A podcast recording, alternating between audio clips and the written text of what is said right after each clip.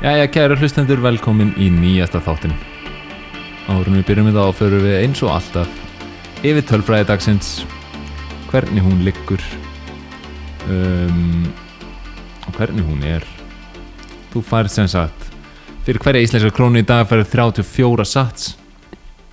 Bálka hæðin er í 760.380 og estimated difficulty adjustment er mínus 3% það er núna 234 uh, exahash hash rate á, í kerfinu.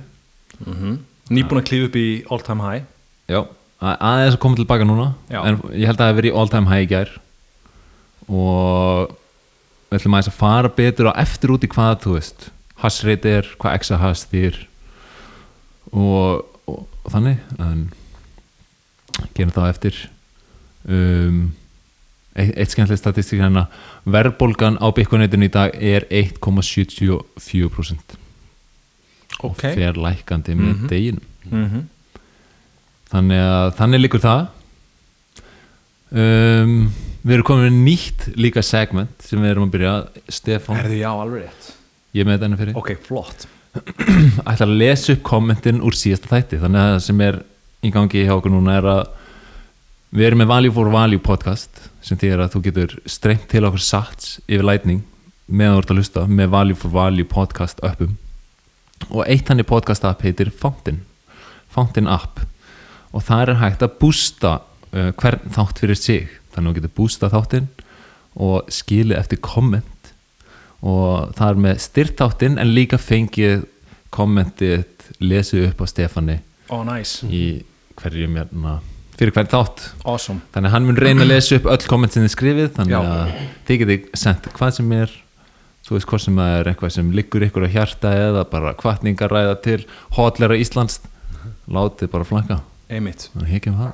Herðu, ég sé strax að þátturinn er hérna, sem að var í síðustu, síðasti þáttur hann er skráður þáttur 26 en hann var þáttur 27 þannig að við þurfum bara að breyta því. Já. það er allir góða lagi, það var en Einar Karl sem kíkti til okkar. Blóð, sitt og bitcoin og skemmtilegt spjall. Allavega uh, þeir sem að kommentuðu það var hann at KNSVAF22 hann gaf okkur þúsund sats og skrifaði Takk fyrir þáttinn, alltaf gaman að heyra nýja vinkla frá mismunandi fólki. Takk kærlega fyrir þetta. Já, ég er ánægður að heyra. Við erum viljum fá mismandi fólk sem eiga saman að vera byggunarar og það ánægðilegt að heyra að KNSVF sér sáttum með það. Nákvæmlega, takk kærlega. Svo er hann hérna at Hodler. Hann gaf 420 sats og skrifaði frábær þáttur og skemmtilegar umræður. Takk fyrir mig. Mm. ég ætla samt að viðkynna eitt, þetta var ég og það var seint á 50. kvöldi í síðastu viku þegar ég gaf 420 sats. Ok, þú ert að hodler já, neða, ég bara svona neða, ok, þetta var bara svona Þú, smá, ná, vá, ég trú ekki að það er náð að hodler já, ok, ég, kannski aðein ok, núna, þetta var smá grín, sko ég, þetta Já, ég er ykkur annar, en 420 sats er náttúrulega smá, Þetta, var, þetta varst ekki þú? Ekki ég, nei, Nei, ok. þetta var bara lélegt En Þessi gæi er mistari að hann, hann bæði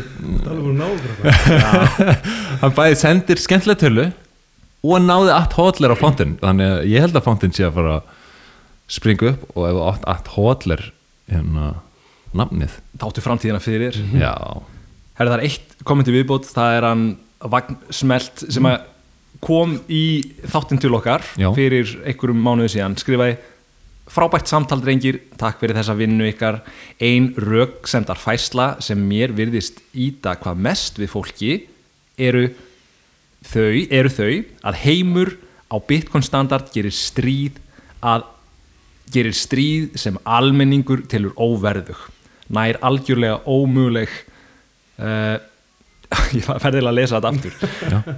Basically heimur á Bitcoin standard gerir stríð uh, algjörlega ómöguleg.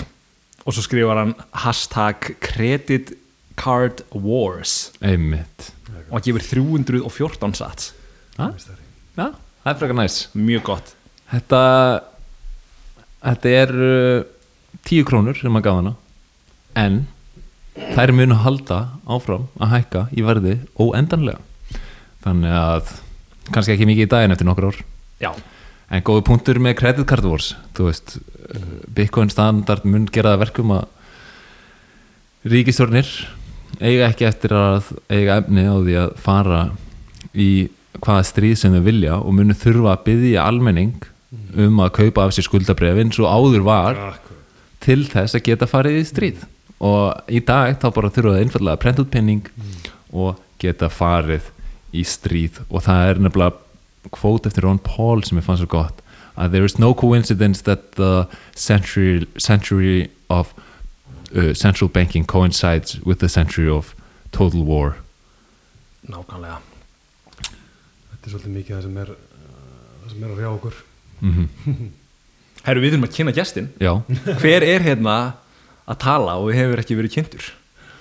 herru við erum með frábæran gest í þetta, í þetta sinn. Það er hann Árni Steinar sem hefur verið virkur á spjallinu Bitcoin Bildingin Á Telegram. Eitthvað, Já. aðeins En við erum ennþá meira virkur í erna, austuríska hagfræði hópnum sem við erum með og Algjörlega, höfum verið með og hef, við höfum verið þar að, að stúdera fræðin. Fram og tilbaka. Já. Og bara virkilega velkomin í þáttinn. Þakka þér fyrir. Gaman að vera komin. Gekkja setup. Já, Bara svo ég hérna, að því að ég, sko, ég er inn á þessari grúpu en ég er ekki virkur. Austurísku, hagfræðinni Hvað eru þið að gera inn á þessari Telegram grúpu, svona, svo hlustendur Við erum í rauninni bara í hérna, skólanum sem Sailor Michael Sailor uh, stendur á bakvið Ok, austuríska uh, hagfræðin. Það er kannski betra Ívar Ívar á það, Já. yeah. tóðin að dinna þetta er, er sem sagt sko kurs sem að Safety Namus er með inn á, inn á sailor.org og er frýr.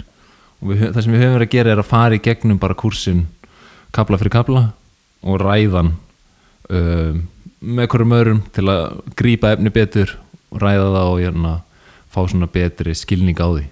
Næs og þetta er bara þvílíkt röddbil þetta er bara þú veist, þetta er leiðin. Þetta er svolítið mindblowing stuff sko. Já, þegar maður fyrir að hella svo út í þetta. Já, þannig að ef maður vill fara alltaf svona dýbra út í austurísku hagfræðina og fá einhvern svona félagskap í að ræða um hlutina þá er þetta vettvangurinn. Algjörlega. Klárlega vettvangurinn. Þú getur fundið spjallið á hérna, telegram, austurísk hagfræði um, eða farið bara inn í Bitcoin bildinguna og það er í pinned messages ætti hópurinn að vera. Og austurísk hagfræði er bara mind blowing stuff sko. hún, hún er það. hún byggir miklu meira á rökfræði heldur en Keynesian hagfræði sem byggir tölfræði. Einmitt. Og, og byggir aðalega á praxeology og það hefur bara orðið nýlega hjá mér. Hvað ég hef orðið bara svona þú veist það var ekki ja, mikið þegar við vorum að fara yfir kaplana, Já, heldur bara nýlega er ég bara að graspa bara wow hvað praxeology er mind blowing stuff og er bara það er viðfóngsefni sem er bara það sem þarf í dag. Og þú veist, fólk þarf að fá skilning á þessu viðfóngsefni og þetta er, þetta er sem að kalla the science of human action. Mm og það er bara verið að þú veist, líta á hvernig menn haga sér og vera, og vera síðan að nota svona deductive reasoning út frá því til að komast að alls konar niðurstöðum og, Ok. og lögmálum, Já, svona hagfræði lögmálum. Þannig að maðurinn notar faratæki af því að hann þarf að komast frá A til B og svo framvegis. Já, og af hverju það, er þetta einhvern veginn þannig að það er kannski ekki, þú veist ég ætla ekki að vera að grilla ykkur samt í þessu núna ég ætla ekki að, eins og ég sé að hlýða ykkur það er kannski ekki af hverju hann gerir eitthvað. Það er meira uh, hvað hann gerir. Mm, þú veist, einmitt. praxeology fer ekki út í að þú veist hvort það sé eitthvað rétt eða rámt hvað hann gerir hvort sér sifræslega rétt eða rámt það er meira bara að líta að hann gerir eitthvað og, og síðan vera svona ganga út frá því.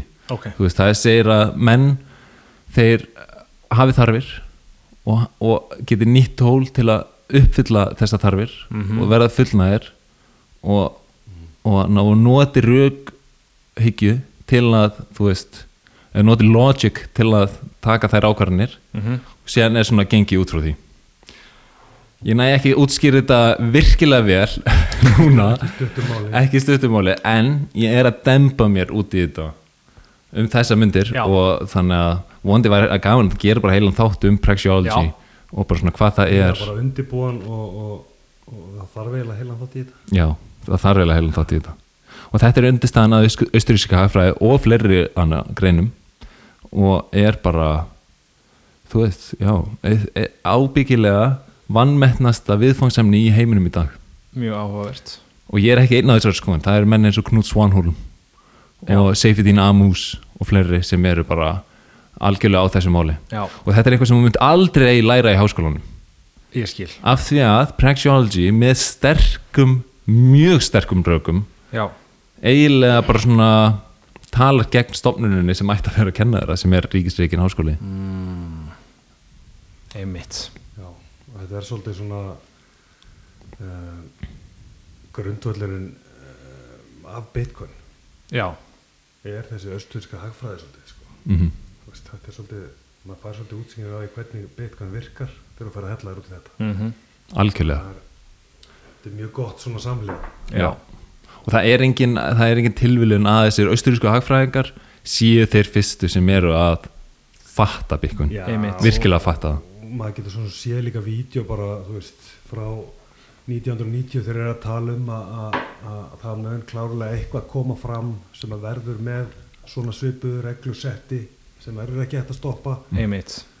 Sem er komið fram dag og er Bitcoin. Já, neða magnað. Að Magnað. sjá þessar, sjá þessar klippur Já, og maður hugsa stundum bara þessir gæjar eru eins og einhverjir, þú veist spátumsgæjar, þú veist, þeir bara svona þú veist, þeir sjá bara inn í framtíðina Akkurat. og maður er bara svona, þetta ágjör hægt þetta eru töfrar, en þegar þú skilur praxeology, já, þú veist þú ert með almennlega skilning á þessu viðfangsemni þá verður bara allt svo augljóst þetta er basically common sense. Þeir eru bara þessir hver var það hérna sem að tala um að þyrft að koma hérna það þyrft að koma einhver gjaldmiðl svona uh, úr úr einhverju svona annar roundabout sl- sly, sly hérna way. Kemur einhvern veginn svona einhver gjaldmiðl inn á milli Já, frá hérna þetta var Fredrik Hayek. Já einmitt. Ákvæði þetta erfitt með að setja þetta í orð En þessi menn eru basically þeir skilja greinilega hagfræðina það vel en eru ekki með réttu tólin á stað og stund Nei, Nei. en sjá þetta bara fyrir sér að, að svona verði þróunin. Akkurat. Þetta var semst og hann sagði Don't believe we shall ever have a good money again before we take the thing out of the hands of government. All we can do is by some sly roundabout way introduce something that they can't stop það vantaði reyndar eitthvað inn í þessi Já, uh, að við getum ekki tekið þetta með valdi. We cannot take it out of the hands of government. That is we can't take it violently out of the hands of government. Einmitt. All we can do is by some sly roundabout way introduce something that they can't stop. Nákvæmlega. Akkurat. Ég verð að minnast á, ég bara fyrir einhverjum tveim tíum síðan þá hérna tweetaði ég og ég var að sá bara eitthvað kvót frá uh, mexikoskum leikstjóri sem heitir Jodorowsky. Hann gerði mynd sem heitir The Holy Mountain. Hann er svona, var rosalegur svona list, lista hérna listasjeni og uh, hann s- sagði segði sagt birds born in a cage think flying is an illness. Og ég hugsaði um þetta kvót og þetta er svona, ég setti svona sama sem merki á milli þess að hagfræðingar sem að fara í gegnum háskólanám og læra svona the Keynesian hag- hagfræðina, þeir eru basically fara í gegnum nám sem að er þeirra búr, það er búrið þeirra. Akkurat. Og þeir hugsa um lífið sitt út frá búrinu og svo þegar kemur eitthvað annað sem að er tengt fugglum skiluru þeir sjá fuggla sem eru fljúandi fyrir utan sem að er frelsið sem að er fólkið í bitcoin til dæmis þá horfa þessir fugglar, þá horfa þessir hagfræðingur út úr búrunum sínum og sjá fljúandi fuggla og, og ha- halda að það sé eitthvað að. Akkurat. Einmitt, þetta er svo góð lýsing Þetta er bara gríðalega góð lýsing. Og þetta er ekki bara þú veist, þú sér þetta svo víða í samfélaginu sko. einmitt. Þetta er alveg bara svona við erum öll með okkar búr sko. Já, bara þú veist, sam, sama hvað það er. Akkurat getur tengst, þú veist, hverju sem er mataræðinu þínu, það getur tengst bara lífsskoðunum þínum og, og bara já, já, allt frá A til Ö. Akkurat. Þess vegna þarf maður pínlítið að, að hafa já, maður þarf að geta svona séð maður þarf að geta verið heiðarlegu við sjálfa sig og, og sagt ég hef ekki allar upplýsingarnar og ég er reyðbúin til þess að uh, horfa á það sem að ég tel að sé sannleikurinn í lífinu mínu og snúa því á kvolf Mhm. Já, þetta er svolítið svona akkurat það, reyna, reyna að finna út signalið, sannleikan já, á bakvið allt næsið sko. Ég held að það sé flóknasta í þessu fyrir fólk. Einmitt. Og sérstaklega eins og þú segir svona menta hagfræðinga um, það er að finna rétta signalið. Já, það er akkurat að, að þekkja sannleikan frá öllu ruglinu sko. Sérstaklega en hvernig, þú veist, hvernig Þetta er náttúrulega ekstra erfitt fyrir hagfræðinga. Ekstra erfitt. Já, Þú veist fyrir fjármála hagfræðinga. sko, og fólk sem að, já, og sérstaklega fólk sem hefur gert það gott peningarlega sko. já. Er það stoltið eða er það Þú ert bara búin að vera ritaður með löngum upplýsingum í áratug. Einmitt. Og þetta er bara, þú veist, hagfræðin sem þú ert að ganga út frá er bara byggð á sandi með að við þessu austurísku hagfræði. Já, og þú veist, og notarst við tölfræði en þú, þú getur ekki reiknað hagkerfi út. Einmitt. Þetta er bara, það er alltaf mikið af random variables alltaf mikið af random hlutum sem er, er til staðar að þú, þú veist, þú nærði ekki að reikna það bara út. Já, þannig sem, sem er ekki eðlilegt sko. nei, einmitt.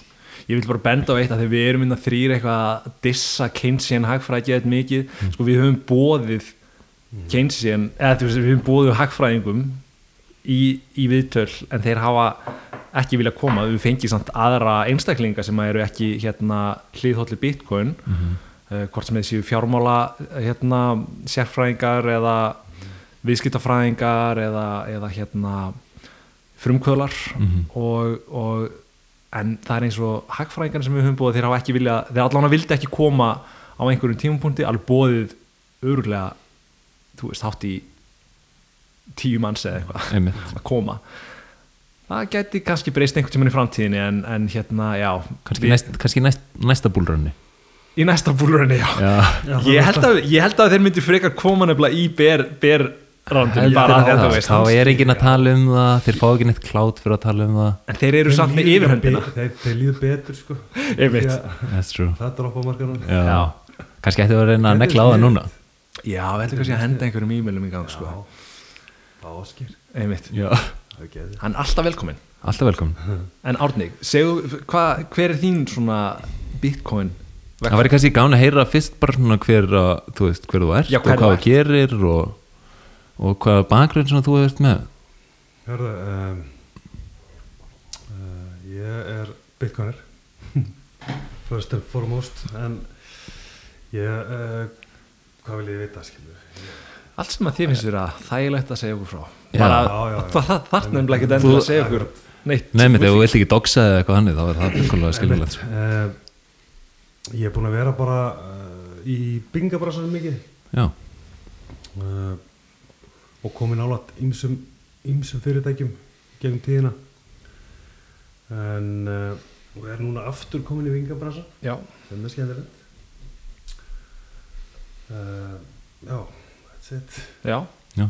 Og kynntist á bitcoin í, í hérna hve- hvenar Herri, ég byrja að hvenar heyrðir þú fyrst um ég bitcoin? heyrði já, fyrst um Bitcoin svona almennilega 2017 já, en það var ekki alveg nógu skýrt fyrir mér þá. Þannig að ég svona rannsakaði ekkert meira. Mm. það var sérst máu minn sem að, sem að kom til mín og, og, og og vildi að ég myndi kaupa alveg æstur ég myndi kaupa maður einhverja rafkrónur og ég ég aldrei heyrt meira rugg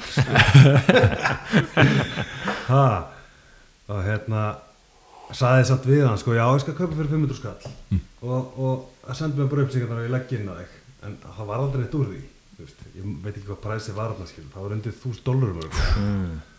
Já, 2017 þá verður það er, já, það er að koma upp yfir Já. 1000 dólar í byrjun ársins já eitthvað svo þetta, þetta, þetta var hérna ná, nálægt 1000 dólarum allavega. Einmitt. en svo hugsaði ég ekkert meir um þetta og þetta bara hvarf eitthvað og, og svo var annar félagi minn sem var byrjaður að braska í, í því sem við köllum bara sörmyndir já, þú segir hreint út bara braskaði í því og, og hérna var komið með app sem heit Crypto eitthvað, Crypto.com akkurat. Og ég, ég hitti hann á kaffihúsi bara við tilvílun og, og hann sýnir mér þetta og ég seti þetta inn í síman og byrja að skoða eitthvað og já, hendin á þetta fyrsta, fyrsta, fyrsta 50 skallinum og, og byrja eitthvað að prófa þetta og, og fyrir svo eitthvað, það er bara ekki nóg ljóst. Þannig ég fór að leita mér upplýsinga og, og dett mér á podcast sem heitir Bitcoin Audiobook með honum hérna? Já, sem að lesa upp greinanar Guy Swan. Guy Swan, já. alveg Það er geggjað. algjör mistari sko. Og að lendin á þessu podcasti bjargaði mér frá því að fara bara að braska í mm. Vá, einmitt. Já, og, og ég veginn sko hendi sér eirun og er að hlusta í svona já, viku einn og einn þátt sko. Og ég eiginlega bara tók orðanspiluna á þessari viku sko. Vá. Já, eiginlega bara, þú skinnja svo vel Já. signali frá hann sko Algjörlega, og ég fær bara smá mikið- gæsa já, það sko það er svo mikill sannleikur sko, sem hann hefur að færa sko. Mhm. og, og síðan þá hefur náttúrulega bara verið að stakka og hefur það í gegnum þú veist, eh, byrja þarna öruglega á þessum tíma, þetta var öruglega 2019 Já, Svona, já 2019 Mhm. og þá vorum við að, ég held ég að við byrjaði að kaupa í 7000 eitthvað slags mm. og kefti og, og kaupi alveg í gegnum þú veist, 20.000 30.000, 40, 50, 60 64, kaupi ég meira sér eitthvað sko, og svo bara aftur niður og ég er ennþá að kaupa sko. nice já, en þetta er Vá, þetta er svo beautiful og það er, getur verið svo mikilvægt að hitta einmitt á þú veist, hefur verið bara dett óvart inn á bara, Ég- bara rang þú, veist, þetta er svo einhvern er kryptoþátt sko. eða eitthvað, skilur það er nefnilega máli sko. það er hérna rángar upplýsingar það er, geta að kosta helviti mikið mm. -hmm. búin að kosta marga meir sér lífið sko. Þú mm Algjörlega. Já, það er bara, það er dán á einhverjum shitcoin markaði og fólk er að, er að, er að bara enda þetta sko. já, Við höfum fjallað um, það er einhver Twitter að gangur sem heitir eitthvað svona Crypto Confessions eða eitthvað og kemur reglulega upp einhver svona þar sem að fólk getur bara sendt inn anonymous, bara svona eitt paragraf um sína stöðu og þú veist fólk sem hefur sett bara aðleguna sína í Já, ég veit já, ekki, já. Solana eða hérna, inn á hérna Celsius þar sem að þeir var lofaði einhverjum ávöxtunum og svo náttúrulega bara fer það allt á hausinn. Og fólk er bara heiðalegt og er að segja bara, þú veist, I'm thinking of doing some bad stuff og það er bara ótrúlega sorglegt sko. já. Af því þetta er allt svo intens í kringum byggun líka, þú veist, fólk er að fara all-in, þú veist, það er að setja allt í þetta og það einhvern veginn smitar oft út frá sér inn í síðan subgeiran sem er þessi kryptoheimur. En bara á allt öðrum allt öðrum fæti, þú veist, á allt öðrum forsendum. Og þar leðandi þegar það kemur downfallið þá bara þá er ekki sama það er ekki sami hérna það er ekki sama sannfæring. Nei, af því að veist, það, þetta er bara byggt á sandi Já, já, já, þú veist, sölumennskar er gríðarlega sko, ef þú bara, þú veist, tekur skreið tilbaka og, og horfir á þetta þá er þetta náttúrulega bara villis Mm. mm. þetta eru fyrirtæki sem er að, með alls konar hugmyndir sem að kannski má implementa eitth- eitthvað tíman yfir á Bitcoin sem eitthvað leigir en þú veist, þú ert þú ert að taka, þú ert að fjárfesta í, í, í, í þessum myndum sem að, sem að eigum ekki eins að kalla myndir í þessum fyrirtækjum já, einmitt. að, að þá ertu bara að taka gríðalega á þetta. Og ert ert að fjárfesta í einhverjum, einhverjum hugmyndum frá fólki. Það er bara gott að fólk vita það er ekki að kaupa sér mynd. Já. Svo ótrúlega góðu punktur, þetta er pínlítið svona þetta eru hérna svona stóru svikin í þessu. Það er að dulbúa þetta í raun og veru startup fyrirtæki sem er náttúrulega bara alltaf gríðalega mikil áhætta já, sem svona cryptocurrency sem er aldrei svona buzzword já, og fólk veit að það er veist, það er verið að græna peninga og, og hérna leitar í þessar áttir. Ég held að sé líka svolítið þetta er svolítið, þetta er svolítið hérna, afgerandi fyrir Bitcoin af því að þetta er stóru uppfinning. Og við erum að sjá hérna bara uh, zero to one mm. uppfinningu að, að þá flækist hitt með og, og, og, og menn er að reyna já, ná sér í pening. Einmitt. Já, eins og við tölum síðast þetta þetta er svolítið fyrirsjánlegt mm og var með þessi eitthvað á Bitcoin Forum 2010 sem að spáði þessu fyrir. Já, og var fyrstur að kalla þetta shitcoins bara svona, akkurat. segir þannig að hvað er að stoppa einhvern frá því að gefa út mm -hmm. shitcoin og það sé með þú veist það, og það sé með einhverja eiginleika aðeins öðru sem Bitcoin veist, það, það var mjög fyrirsjánlegt Já, Já. ég meina, veist, allir þessi peningar sem að þetta fólk græðir, skilu, er búið að átta sig. Það er að, það er að fjárfest í bitcoin. Já, það er röggpúlar og þetta fer beint yfir. Já, já, einmitt. Það er mjög hérna þú veist áhugavert að heyra hérna þína sögu sko. Þú veist einmitt byrjar að þið heyra um þetta og allar að setja ykkur peningi og svo bara næri eitthvað að hendum 50 skall í Já, og og svo nokkur mánuð setna þá ertu komin og ert í austurísku hagfræði grúpunni á Já, Telegram já, og ert bara alveg hérna, all in Já, í já. bara að læra um hvað peningar eru. Pældu í upp og því. nýtt. Upp Já, og þú veist, nýtt. ekki upp og nýtt, í fyrsta skipti í rauninni.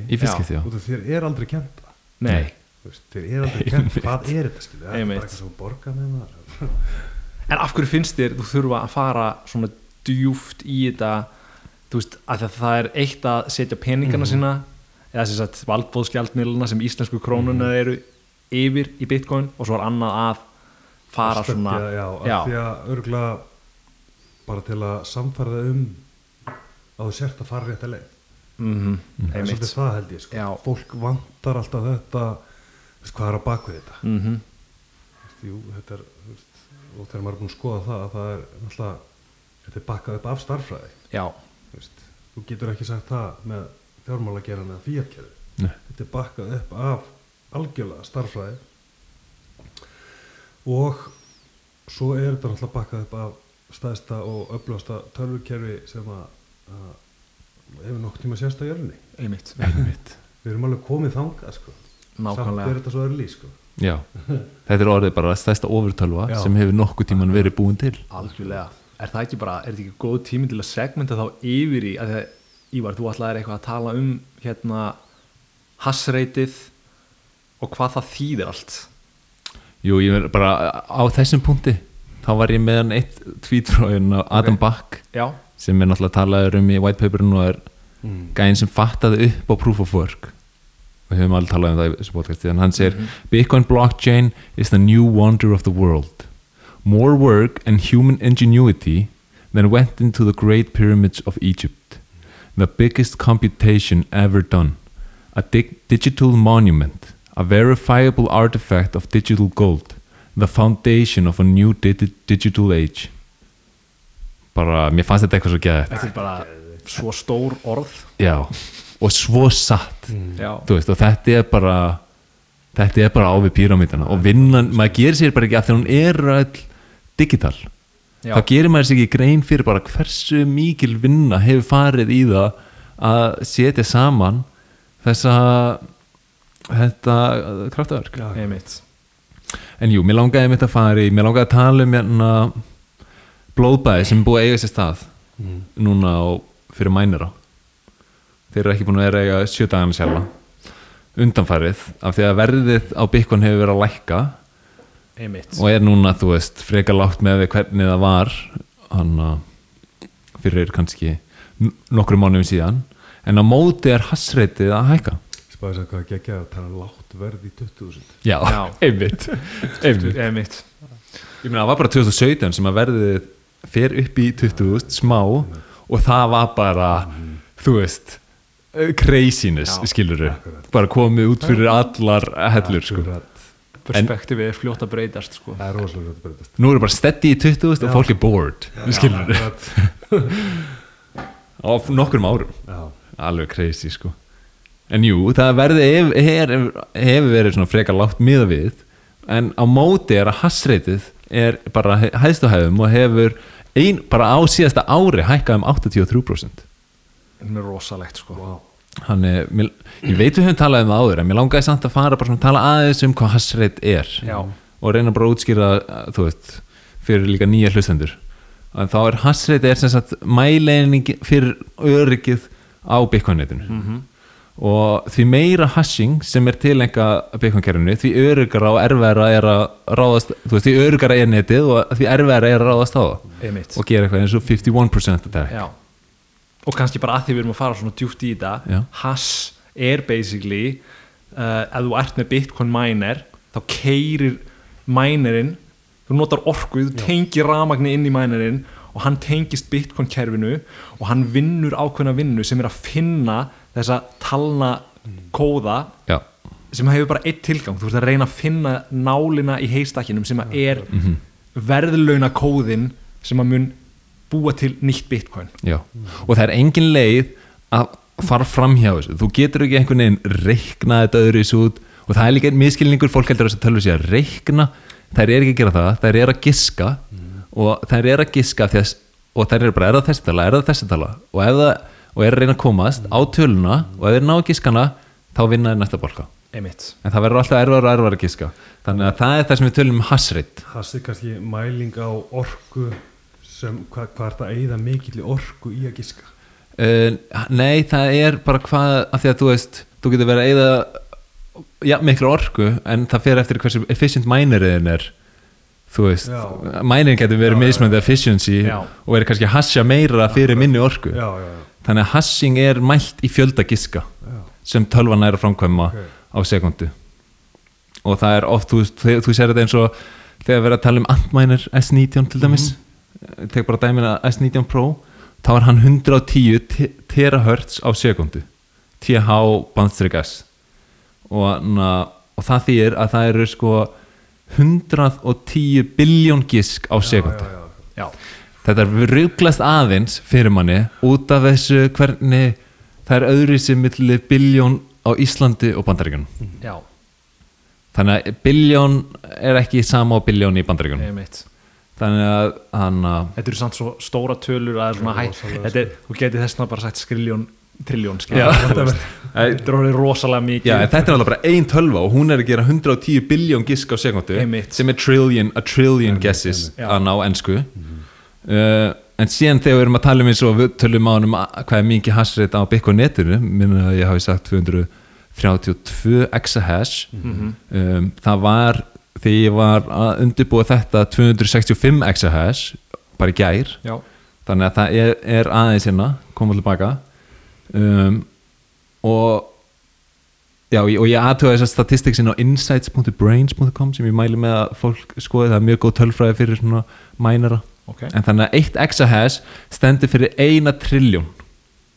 Eina triljón, já. Sem er í bandaríkjunum sem sagt quintillion tala um quintillion Já, ok. en það er trilljón á íslensku. Já, og þannig að eins og stendur þá er eiga sér 256 trilljón gisk á sekundu sem er verið að reyna að giska á þessa tölu. Og ef hún er að giska á hana þá, þú veist, farið næsta já, þannig að það er svakalegt, þú veist. Já Öryggið í kerfinu er þá fólkið í því að ef að þú ert hérna uh, með slæman ásetning og vilt uh, gera eitthvað þú, þú, þú vilt fokka upp í já, svo í sletti já, þá þarftu að vera með 51% Af þessari vinnu. þessari vinnu til þess að geta búið til í raun og veru plata kerfið Mhm. til þess að búið til nýjan bálka þar sem að þú basically stjórnar hvaða, hvernig fæsluna líta út er það, er það rétt hjá skilið hjá mér? nei, þú getur einu veru það sem þú getur annarkvort gert er double spendað. Já. do- double spend attack, þannig að þú getur eitt söm byggunum tvísar, en þá þarf þú að eiga byggunin Já, þú getur ekki fokkað einhverjum byggun einhvers annars, Nei, af því að ok. þú verður að eiga private keyin til að geta hreift við þinn. Þannig að það er allavega eitt en síðan getur líka bara búið til tóma bálka og komið veg fyrir að fólk getur millifært á netinu. Einmitt. Þetta hefur verið að sjá á BS-WAF kerfinu, Bitcoin Satoshi Vision Já, sem er líklegast mest í brandarinn í, í, í sörmyndaheiminum og það hefur verið, þar hefur verið bara koma bara tómir bálkar að því að það hafa verið árásir á kerfið já, og enginn getur millifært. Einmitt. En þó svo að það myndi gerast á Bitcoin þá er það bara, þú veist þú getur þá annarkvort bara borgað hærri fís mm svo að þú erir inklútaður, bara borga mjög há fís eða bara beða af þér þú veist, beða þessi árás af þér. Það, er, all, það verður allir góð með Bitcoinin. Eina sem gerist er að þú veist það verður ekki auðvelt að millifæra í smá, meðan árásin á sér stað. En þessi árás er náttúrulega mjög dýrkeift fyrir þann sem ætlar að framkvæma hana. Já. og er, þú veist, er nánast ómulagt þú þarft að búa yfir öruglega, ég veit ekki hve- hversu mörg kjarnorku verð þarft að vera með í, í bakarnuðinum bara til þess að, að ná þessu. 51% af hassi. Þetta er gríðarlega mikið. Og þótt þú væri með það þá þarftu líka tölvunar svo er líka annað sko. Þó svo að, að segjum að þú væri með þetta Mm. og þú, þú hakkar kerfið skilur þá ertu búin að leggja allan kostnað í að hakka kerfið fyrir, til að sækja bitcoin sem verður null virði þú eru búin að hakka kerfið vegna þess að virðið felst í öryggi kerfisins. Já, er ekki? jú en þetta er því sem sagt árás eins og empty block árás er þú ert ekkert að fara að græða á henni. Nei, þú ert ekkert að fara að fá einhver bitcoin. Nei, nei, nei. þú veist, þú getur ekki tekið bitcoin einhvers annars. Eina sem þú getur gert er bara að koma í veg fyrir að fólk getur millifært. Þetta er svona denial of service Já, hérna, þetta er, svona, attack, já, þetta er eins og þannig, DDoS en gríðarlega dýrt. Já, bara meikar ekkert sens nema þú ert sér bara þjóðríki og þú bara hatar bitcoin og Já. þú vilt að enginn getur millifært. Og við höfum, og að þegar þú segir þetta við höfum náttúrulega bara dæmi um það hassreiti fjall uh, frækt að það fjall gríðarlega mikið um eitt, þrið, eitt þriðja ef ég mann rétt, þegar að Kína bannaði sagt, bitcoin mining uh, í kjölfar bara var ekki eftir COVID eða? Árið 2020 Jú, þetta var slíkt. þetta var eitthvað man, á, á þessum crazy tíma. Kína banna bitcoin mining hassreiti fellir niður um þriðjung ef ég mann rétt. Já, já. og frá þeim tíma þá hefur það bara haldið áfram Já. að klífa upp og upp í þessar hæðir. Þú veist að langt komið yfir hérna þær hæðir þar sem að áður en að Kína bannaði það og langt fyrir ofan það. En, en þessi mænirar fóru náttúrulega allir beint í skip og yfir til Afganistan og einhverja staða þar sem að fóru beint í vinnu sko. Já. Já. þú bara tekur sambandi flutt. yfir og setti sambandi aftur og Kína náttúrulega það voru gleftur að skada sig svolítið á þessu einmitt. En samt þrátt fyrir þetta og þrátt fyrir þetta bann þá er ennþá 20% á hassreiturinn í Kína. Já, ég sko, hef heyrt það líka. og, og það já, og maður heyri það að, að svona ég er ekki með áræðanlega heimildir en að mikið af yfirstjætta fólki í Kína Mhm. sé farið að kynna sér Bitcoin virkilega vel. Já. ég man ekki hvar ég var að lesa þetta. Ég sá þetta líka, neða það var í Hong Kong og Singapore eða hvað hann Það er svona að, að þetta væri að verða svolítið trend á meðal the ultra rich já, star já, maður myndi allavega halda að með við hvað Kína er líst sem miklu svona allræðis ríki að þegnanir væru örlítið smeykir við að, að fara gegn ríkinu, ég menna þú veist þeir, þeir, þeir fara, maður sér bara TikTokin skilur þeir labba inn í maturveslanir og láta stinga prikum upp í nefi á sér áður en að borga fyrir samlokunum sína og þú veist það myndi ekki þóra að gera annað bara því að Nei, þetta er að væpið í Hong Kong er aðeins öðru sér þar er, er, þeir eru búin að kunna meta frelsið sem þeir hafa fengið síðustu Okay. Þannig að þessi 20% hérna, sem er aftur komið til Kína það er inn, inn, inn í því er Hong Kong og Já, nei, ég veit það reyndir ekki en jú líklegast en anna já, nei, anna já, það er ennþá alveg Já. 20% af hassreiti í Kína og ég, væntanlega bara mikið af fólki í Kína sem elskar frelsi og þú veist, elskar bitcoin og Já. er ekki sammála því sem ríkið er að gera Já, það er bara algjörlega ljós hvað gerðist árið 1900, var ekki 1989 Tiananmen Square? Jú. þegar að stúdentanir er að mótmæla þá voru síðastu alvöru mótmælin í, í Kína og þú veist fólki síndi hugsin en valdið í- á Kína er bara of, of stert. Og Já. það kemur líka aftur að því sem að, að Bitcoin er alltaf að vinna að. Eh, það er að, að, að aðskilja peninga frá ríki. Já, það er náttúrulega stóri þáttur í þessu öllu. Mhm. það er, það er bara sem við erum hér fyrir. Já, bara svo leiðis aðskilna penings og ríkis. það, það er byltingin sko. já, algjörlega, hmm. það er byltingin. Og leðu það gerist þá fellir svo margt með því. Einmitt. Uh, Já, og það er alveg bara það er svo hérna það er svo margþætt hvað hva, hva, hva verður eftir það mm -hmm. breytingar þar samfélag verður svo gríðalega sko. Já, Já. það, er, peningur fyrir inn í allt sem við gerum það er svolítið svo einmitt og eðlilega, ég meina þetta er náttúrulega bara þetta er bara stóra Já, þú, vinnur vinnu og, og þú, þú geta sparað þessa lagt þessa orku til hliðar sem þú varst að leggja til já, mm -hmm. en, en þetta er svona grundvalda kerfi sem verður að vera leiði Já. já. Og ég, myndi, ég tengi rosalega vel við það sem hún segir sko, veist, af hverju er maður að leggja á sig að læra austurska þú veist, ég meina, menn eru bara hérna, að, byggja hús og skilur, þú veist, maður á ekki að þurfa að kunna endilega á alla öll lítil smáatriði í samfélaginu Nei. til þess að vera góður samfélagstegn en þegar kemur að bitcoin og þegar kemur að peningum þetta atrið, þetta er svo mikil grundvallar hérna eiginleiki svo samfélag manna virki og bitcoin er bara ný uppfinning. Þetta er ný, nýtt fyrirbæri.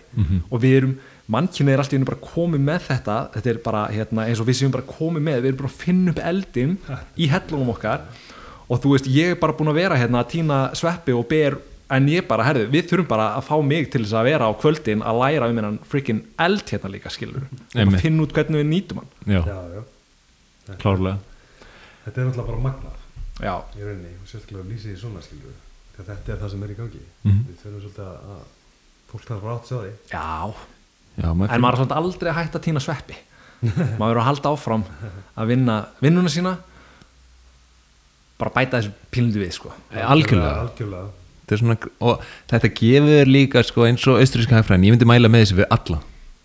Bara allir ættu að taka þetta er ekki eins og flókin kurs hann á Sailor Org, hann er bara einfaldur og þetta gefur þér bara grunnskilning á hagfræði sem getur hjálpað þér með alls konar hluti í þínu lífi og bara gert heimskilning þinn mun skýrari já, fyrir vikið.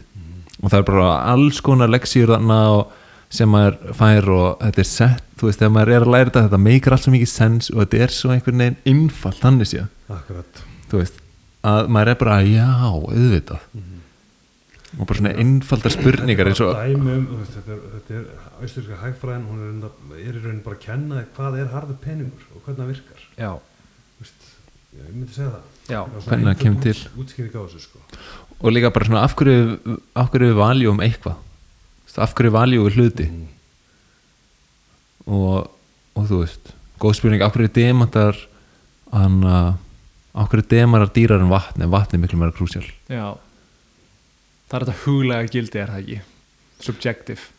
Já, þetta er alltaf gengur allt út frá subjective value. Já. og þú, ef maður fer að læra um subject, subjective value þá er maður bara wow, það, það meika bara fullkomis sens, auðvitað er value subjective. Já, og, og síðan þú veist, þegar maður fyrir að sjá eins og, hvernig- eins og marxistannir með svona labor theory of value þá sér maður bara, herri, þetta er grunnur byggður á sandi, það, þetta meikar labor theory of value meikar ekkert sens. Mm.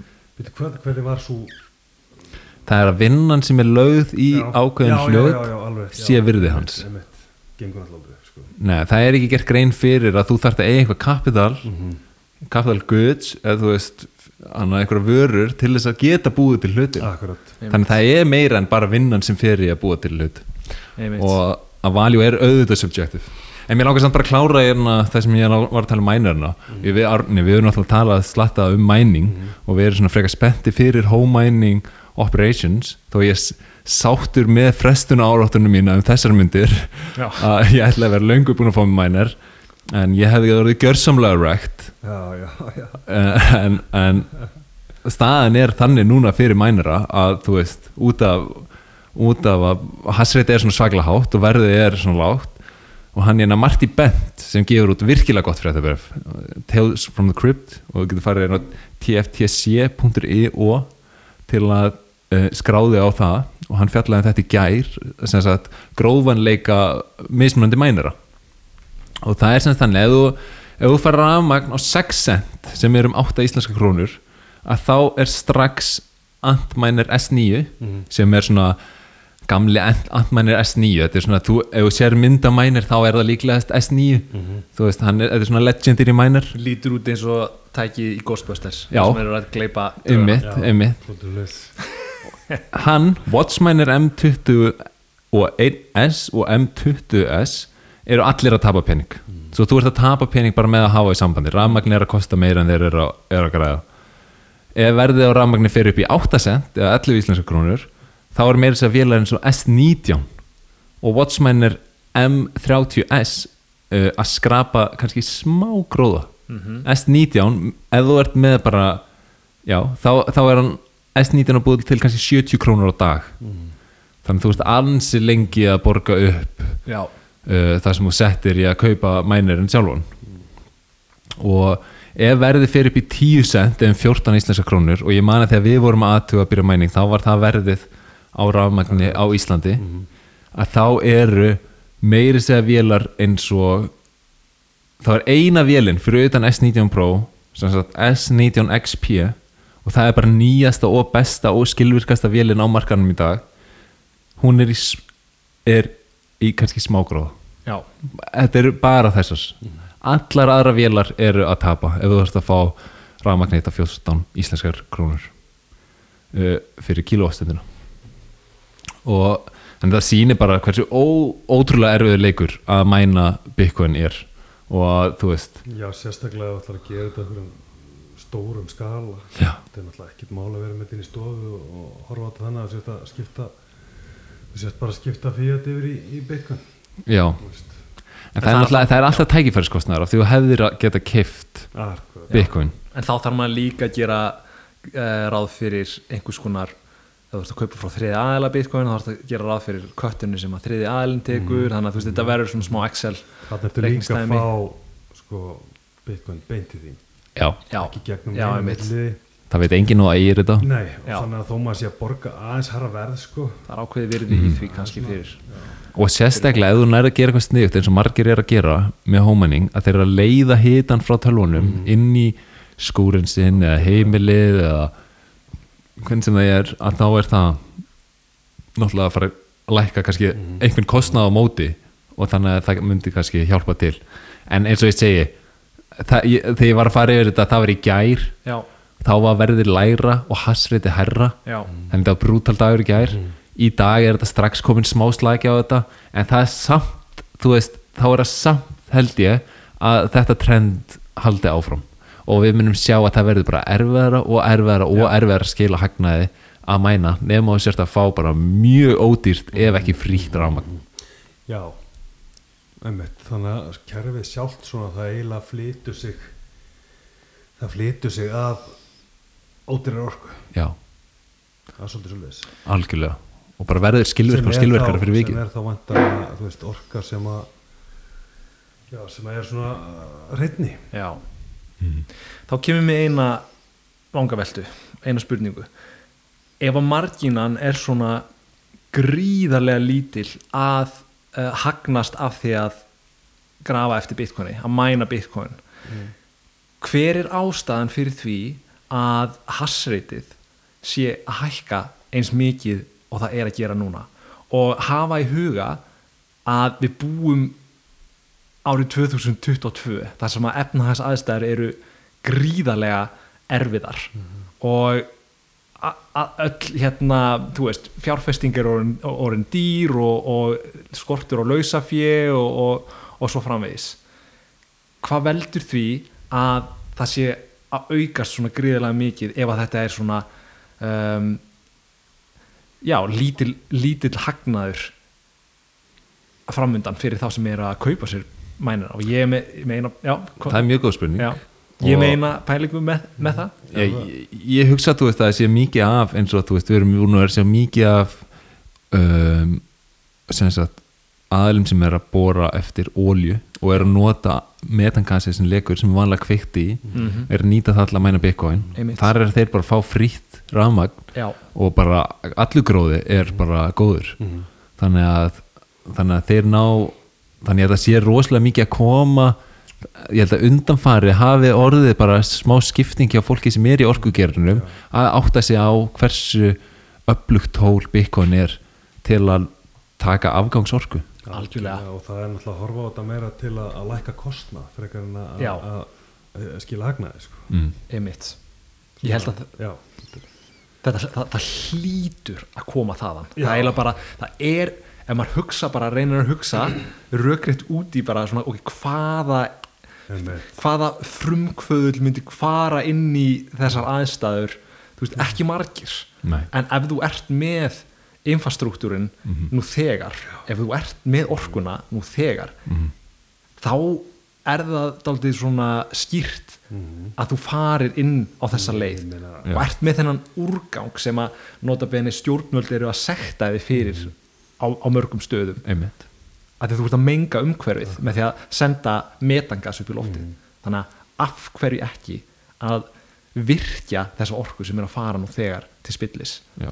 og fá borgað í síðan eru við líka með, þú veist, þetta er enda bara gr- grunnstíja en Tesla og Jack Dorsey hjá Block og Blockstream eru í samstarfi að því að búa til laust þar sem að er verið að tengja eins og sólar orkuframleyslu við Bitcoin mining af því að þú veist, þegar sólinn skýn mest á daginn og, og þegar, þegar hún gerir það, þá er svolítið þú veist, mikið afgangsrafmagn. Mm. um, og það þarf einhverja leið til að gera þetta dæmi hagkvæmara. Um, að þá er gott að mæna bitcoin þar og þá getur þú veist já, jafna út það sem við kallum að duck curve. Já, Eða það er að þú veist að það er að sólarorkan er mest á daginn en rafmaksnótkunin er mest á kvöldin. Og hvernig er það að jafna þetta út þannig og þannig að þetta sé gerlegt? Einmitt. og með Bitcoin þá verður þetta svolítið jafnan miklu svona hagkvæmari. Já, Algjörlega, mér finnst svolítið magna þegar að, hérna, þeir voru að kommenta ekki að sagði hérna, var ekki landsvirkjun? Mm.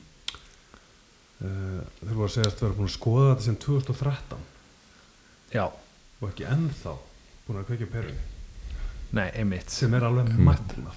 Já, það er áhugavert. Það sagði, já, þetta er búið að vera upp á, inn á borðið hjá okkur síðan 2013, eitthvað starf, ég man ekki hvað að læsta. Var þetta ekki eitthvað, þetta var eitthvað Twitter. Það var eitthvað Twitter, ég, við voru, já, ég, ég var líka ég held að ég var líka sko. Já.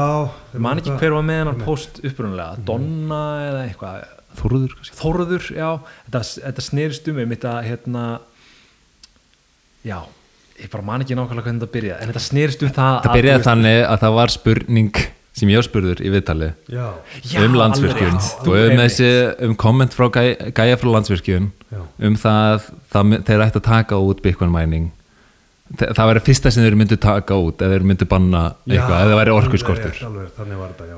og ég sagði að, að mér finnist leiðilegt að þeir mm. sjá þetta svoleiðis Akkurat. þá sagði Kristján okkar Mikkelsen veist, hann var að, svolítið að dæmi fyrir að segja þeir. Og að gera lítið úr því að ég hafi sagt þeir hjá Já. landsvirkjun sem ég er sammála, ég hefði að segja þau. En Þetta er bara algjört, það skiptir engum sko. snúningum. það er smá útsnúningur en hann er með smá mig. En- ég gerði hann mistök, ég sagðist þeir og þá byrjaði að tala um landsvirkjun og þá fara þeir að tala um að hérna, Sveinn Valfells sem er early bitcoiner Mm. hann hafi verið að fara og fundi á landsvirkjun Já. 2013 Ok. og verið að, þú veist, pizza þetta við þá Mhm. en, en mér finnst ekkit, ó- mér finnst ekkit skrítið að þeir hafa ekkit kveikt á perunni þá sko. nei, af því að Nei, en eitt í þessu að Sveinn Valfells er í dag að reka fyrirtæki sem heitir Monerium og er byggt onna í Ethereum og er að gera valdabóðskjaldmila á Ethereum hérna réttskoðanlegu bálkakjöðunni sem er svona, þú veist, kannski var hann ekki rétti gæðin til að orðinspila einhvern af því að hann er sjálfur ekki alveg að fatta Nei, þetta akkurat. Það er málið. já, og ég svona, þú veist smá tongue in cheek en ég sagði hérna, ég kommentaði sko, þá að senda mesta bitcoin sérfræðing landsins á fund með landsvirkjum sem er náttúrulega Ívar þú veist, þetta er bara grínu þetta en þú veist, samt ekki Samt ekki. Samt ja, ekki. þú veist Þeir, Nei, Ég vegna þess að þeir gætu bara sérfræðing. lækka orkuverð landinu fáránlega ef þeir myndu bara plugga inn okkur mænurum hjá sér og væri að taka það er það sem ég segi, þessi gæjar, þeir hljóðu að vera klárir fyrir aðfangatasköld hvert einasta kvöld já, já, einmitt Fattarðu? einmitt Já. þú getur ekki þú hefur enga geim, geimsla aðferð á rafmagni nema bitcoin. Hún er til í dag þeir bara, þeir eru ekki kveikja. Nei. og það er leið þá getur þú gert griddið þitt stærra og af því að þú ert með hennan kaupanda sem er tilbúin að kaupa alla afgangsorskuna og hann getur keift hana ódýrara þannig að leið og við hérna, fólki heima á mér þarf ramang til að plugga þvottelumni í gang ég borga eins herra þú veist, þá fæ ég hana og málið er að það er ekkert mál að slökka á byggjumennum og mænurar út um allan heim og það er mikið verið að tala um þetta eins og í Texas að þeir eru að gera þetta. Þegar það kemur lót á grittið Já. þá eru þeir að slökka á tölunum og þú veist og eru þar leðandi að ná að halda öllum ljósum algjörlega. af því að þeir eru með svo mikinn buffer Einmitt. út af byggun Texas dæmi er nefnilega rosalega gott case study sko, þetta er ekki bara theory skilur að bitcoin-mænarnir geta slögt á sig og þú veist, þetta verður alltaf lægi þetta hefur, það er komin reynsla á þetta. Já, þetta virkar. Ekki bara ertu líka að fá borga fyrir þetta sko. Heldur ertu líka að taka þátt í að skapa harðan pening einmitt. fyrir samfélagi sko. Einmitt. Já og þeir get, og sko landsvirkjum getur bara skilur, ég náttúrulega þekki ekki almennilega hvernig eignahaldið er á þessu, þú veist, eigum við þetta eða er þetta eitthvað, þú veist, whatever, skiptir ekki máli. En þú veist, þarna er landsvirkjum komið með pening sem að þeir geta nota eins og þeir vilja, skilur í hvaða verkefni sem er, þeir vilja vera meira umhverfisvænir, skilur þeir eru basically að taka vassfallsorku sem er ekki nýtt Mhm. og nýta hana. Já, já, þetta er bara já, það er ekki verið að menga neitt það er ekki verið að eyða neittni orku þú veist, þetta er, þetta er, þetta bara verið að nýta alla þú veist, rétt eins og við gerum með veldu við tala um þetta sérstæður, rétt eins og við gerum við fiskinn eitthvað, við nýtum, reyn, veist, nýtum allt og við erum að verða betri og betri að nýta alla afurðuna og þetta er nákvæmlega saman rafmagni, ef við erum ekki að nýta alla afuruna og það er kaupandi hann úti sem er tilbúin að kaupa alla afgangsorku er hann getur verið hvar sem er þú veist, hann er ekki staðbundin hann getur verið hvar sem er og, og er, getur slögt á sér. Þú veist, af hverju myndur ekki vilja hann sem kaupanda? En minn, það sem ég hefði viljað segja meira kannski í viðtalinu var að þú veist, það er bara pönkarinn í mér. Ég fíla ekki mikið í einhverja svona stóra stopnanir og að, að meira þú veist, mikilvægt fyrir mér að bændur landsins þeir sem eru með minni virkjanir. Vassfallsvirkjanir bara Já, og jafnvel, þú veist, kannski ágætis virkjun, en of litl til að geta selt inn á netið. já, já. Eða bara, þú vilt ekki selja inn á netið, þú vilt reyna að fá eitthvað annan kaupanda. ég myndi aldrei selja inn á neti sko. maður Þi- myndi alltaf plaka mænurum beint, Já, beint gang sko. og þetta, þarna held ég að sé bara helling af, þú veist, þarna, það þarf að kynna þessu fólki fyrir byggvan og mögulegunum sem það býður upp á. en svo er líka, þú veist, finnst maður brandari þegar menn er að tala um að leggja sæstreng til að selja ramag sko. já, einmitt 2022 sko. Skilir það ef þú þarft rafmagn út í Vestmanni eða eitthvað eigjar skilur það sem vantar rafmagn. En uh, alltaf fara með sæstreng hérðan og erlendist til að selja rafmagn. Pælti peningin sem kostar að leggja þennan sæstreng þegar að þú getur einmitt, að þið vorum að tala um tækifæriskostnaðin skilur hei, köftuðu mænara fyrir nákvæmlega saman pening og Vá. þú ert að hala inn peningum. Ég meina hvað, hvað kostar að leggja svona sæstreng eins og við vorum að tala um það síðast Quintillion. Margar, já, einmitt, margar milljarar hvað, hvað þú getur fengið stort mænara setup fyrir hennar pening? Einmitt, það væri gaman reynd út. Já. og ég myndi flytjum þetta til Skotlands komið sæstrengur, maður græði smá pening í fimm ár, svo er allt í hennu skotanir byrjaðir að finna eitthvað, skilur þú veist, þeir eru allt í hennu komið einhverja jarðorku hérna í norður Skotlandi eða Írlandi. Já.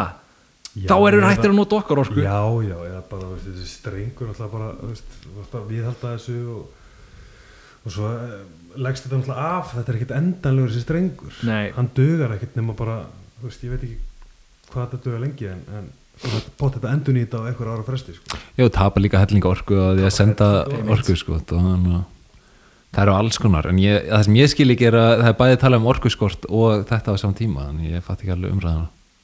Nei, já, einmitt, þetta er svolítið Já. þetta er örgulega já, einmitt, ég átta mikið á hvort þetta er örgulega tengt þessum virkjunum sem eru þá á, á, hérna, Á leiðinni. á, á leiðinni eða eru á Ísraði ramma áætlun eða whatever Já. ég held að vera best að byrja að skoða eignar haldið á þessu Við Já. átt að segja aðeins betur á þessu já, hvað er í gangi að innan hús Já, klárlega maður getur ekki verið sérfræðingur öllu sko, maður, maður veit ekki alveg dítelin í þessu öllu en, við erum með svörum við öllu hins vegar sko. Þú veist, við erum bara með mjög einfalda lausn á einföldu máli Já. og það er eins og fólk vil ekki kynna sér það þú veist, þetta er svolítið svona frustrating af því að Nei. þetta er ekki eins og maður sé eitthvað að þykjast vera know-it-all maður er bara með bara, hei hérna er kaupandi skilur Já, þetta er svolítið hérna, þetta er líka þetta er líka svolítið hérna, það er erfitt fyrir fólk að segja bara, já, ég er að kaupa veist, sem að Já. er ekki búin að kynna sér þetta Mhm. og, og þetta er ímyndarvandi já, þetta er ímyndað, það er svolítið Já. mikið sko, þú veist maður fann alveg fyrir sig sjálf svolítið fyrst sko, bara nei, þetta maður Nei, mitt. og líka bara allir veist, allir áróðurinn í fjölmiðlum og já, það er ekki, þú bara, það er ekki skrítið að fólk sé svona on the, á on the fence með Nei, þetta sko. það er nefnilega rosalega mikið svolítið sko. Æ, Stefán, þú varst með eitthvað fyrir okkur herðu ég hérna var eitthvað að skoða hvað er í gangi í Nígeríu. Það er sem sagt Nígeríu það er mikið talað um Nígeríu og Bitcoin. Mhm. uh, talað um um Nígeríu sem svona eina af þessum þjóðum sem að hafa verið hvað mest framalega í Bitcoin adoption. Og þeir eru líka búin að vera með eða þau, svo ég segi ekki þeir þau í Nígeríu eru búin að vera með hérna eh, Central Bank Digital Currency í gangi núna í eitt ár, það komið pílundi reynsla á notkunna og ég ætlaði bara að segja ykkur pílundi frá þessu. Sko, bara fyrst smá upplýsingur um Nígeríu. Þetta er basically 211 miljón manna þjóð. Mjög ung þjóð þannig að svona demografían er mikið af ungu fólki það er mikið fátækt. Talað um að 95 miljón mann séu undir fátækara mörgum samkvæmt World Bank. Og svo er þjóðinni líka líst samt sem sko mjög tech-savvy. Þannig að unga fólki er að taka upp alls konar tækni nýjungar og er svona entrepreneurial í að finna lausnir Mm. með tækni. Þjóðaframleyslan er upp á 430 miljardar bandrækjadólara en 40% af þjóðinni hefur ekki bankareikning 40% Já. og þar af eru 59 miljón fullornir einstaklingar af 211 miljónum wow. the unbanked okay. þannig að við sjáum strax svona þú veist uh, það, er, það eru vandamál efnahagslega vandamál í Nígeríu uh, 17% verðbólga mæld september ár frá ári og virði þjóðargjaldmiðlsins sem heitir Nýra eða Næra hefur fallið um 209% síðastliðin 6 ár. Pældi því, það er hræðileg stað kaupmátturinn bara farin fyrir rúmi ári síðan sem sagt 25. oktober 2021 þá setur nýgeríski selabankin af stað e-næra sem sagt raf mynd svona þjóðar gjaldmiðl á bálkakæðu og þetta Nígeria er basically annað ríkið til þess að setja svona officially svona central bank digital currency á lækirnar ok, hvað er fyrsta? það er sagt, Bahamaríki Mm.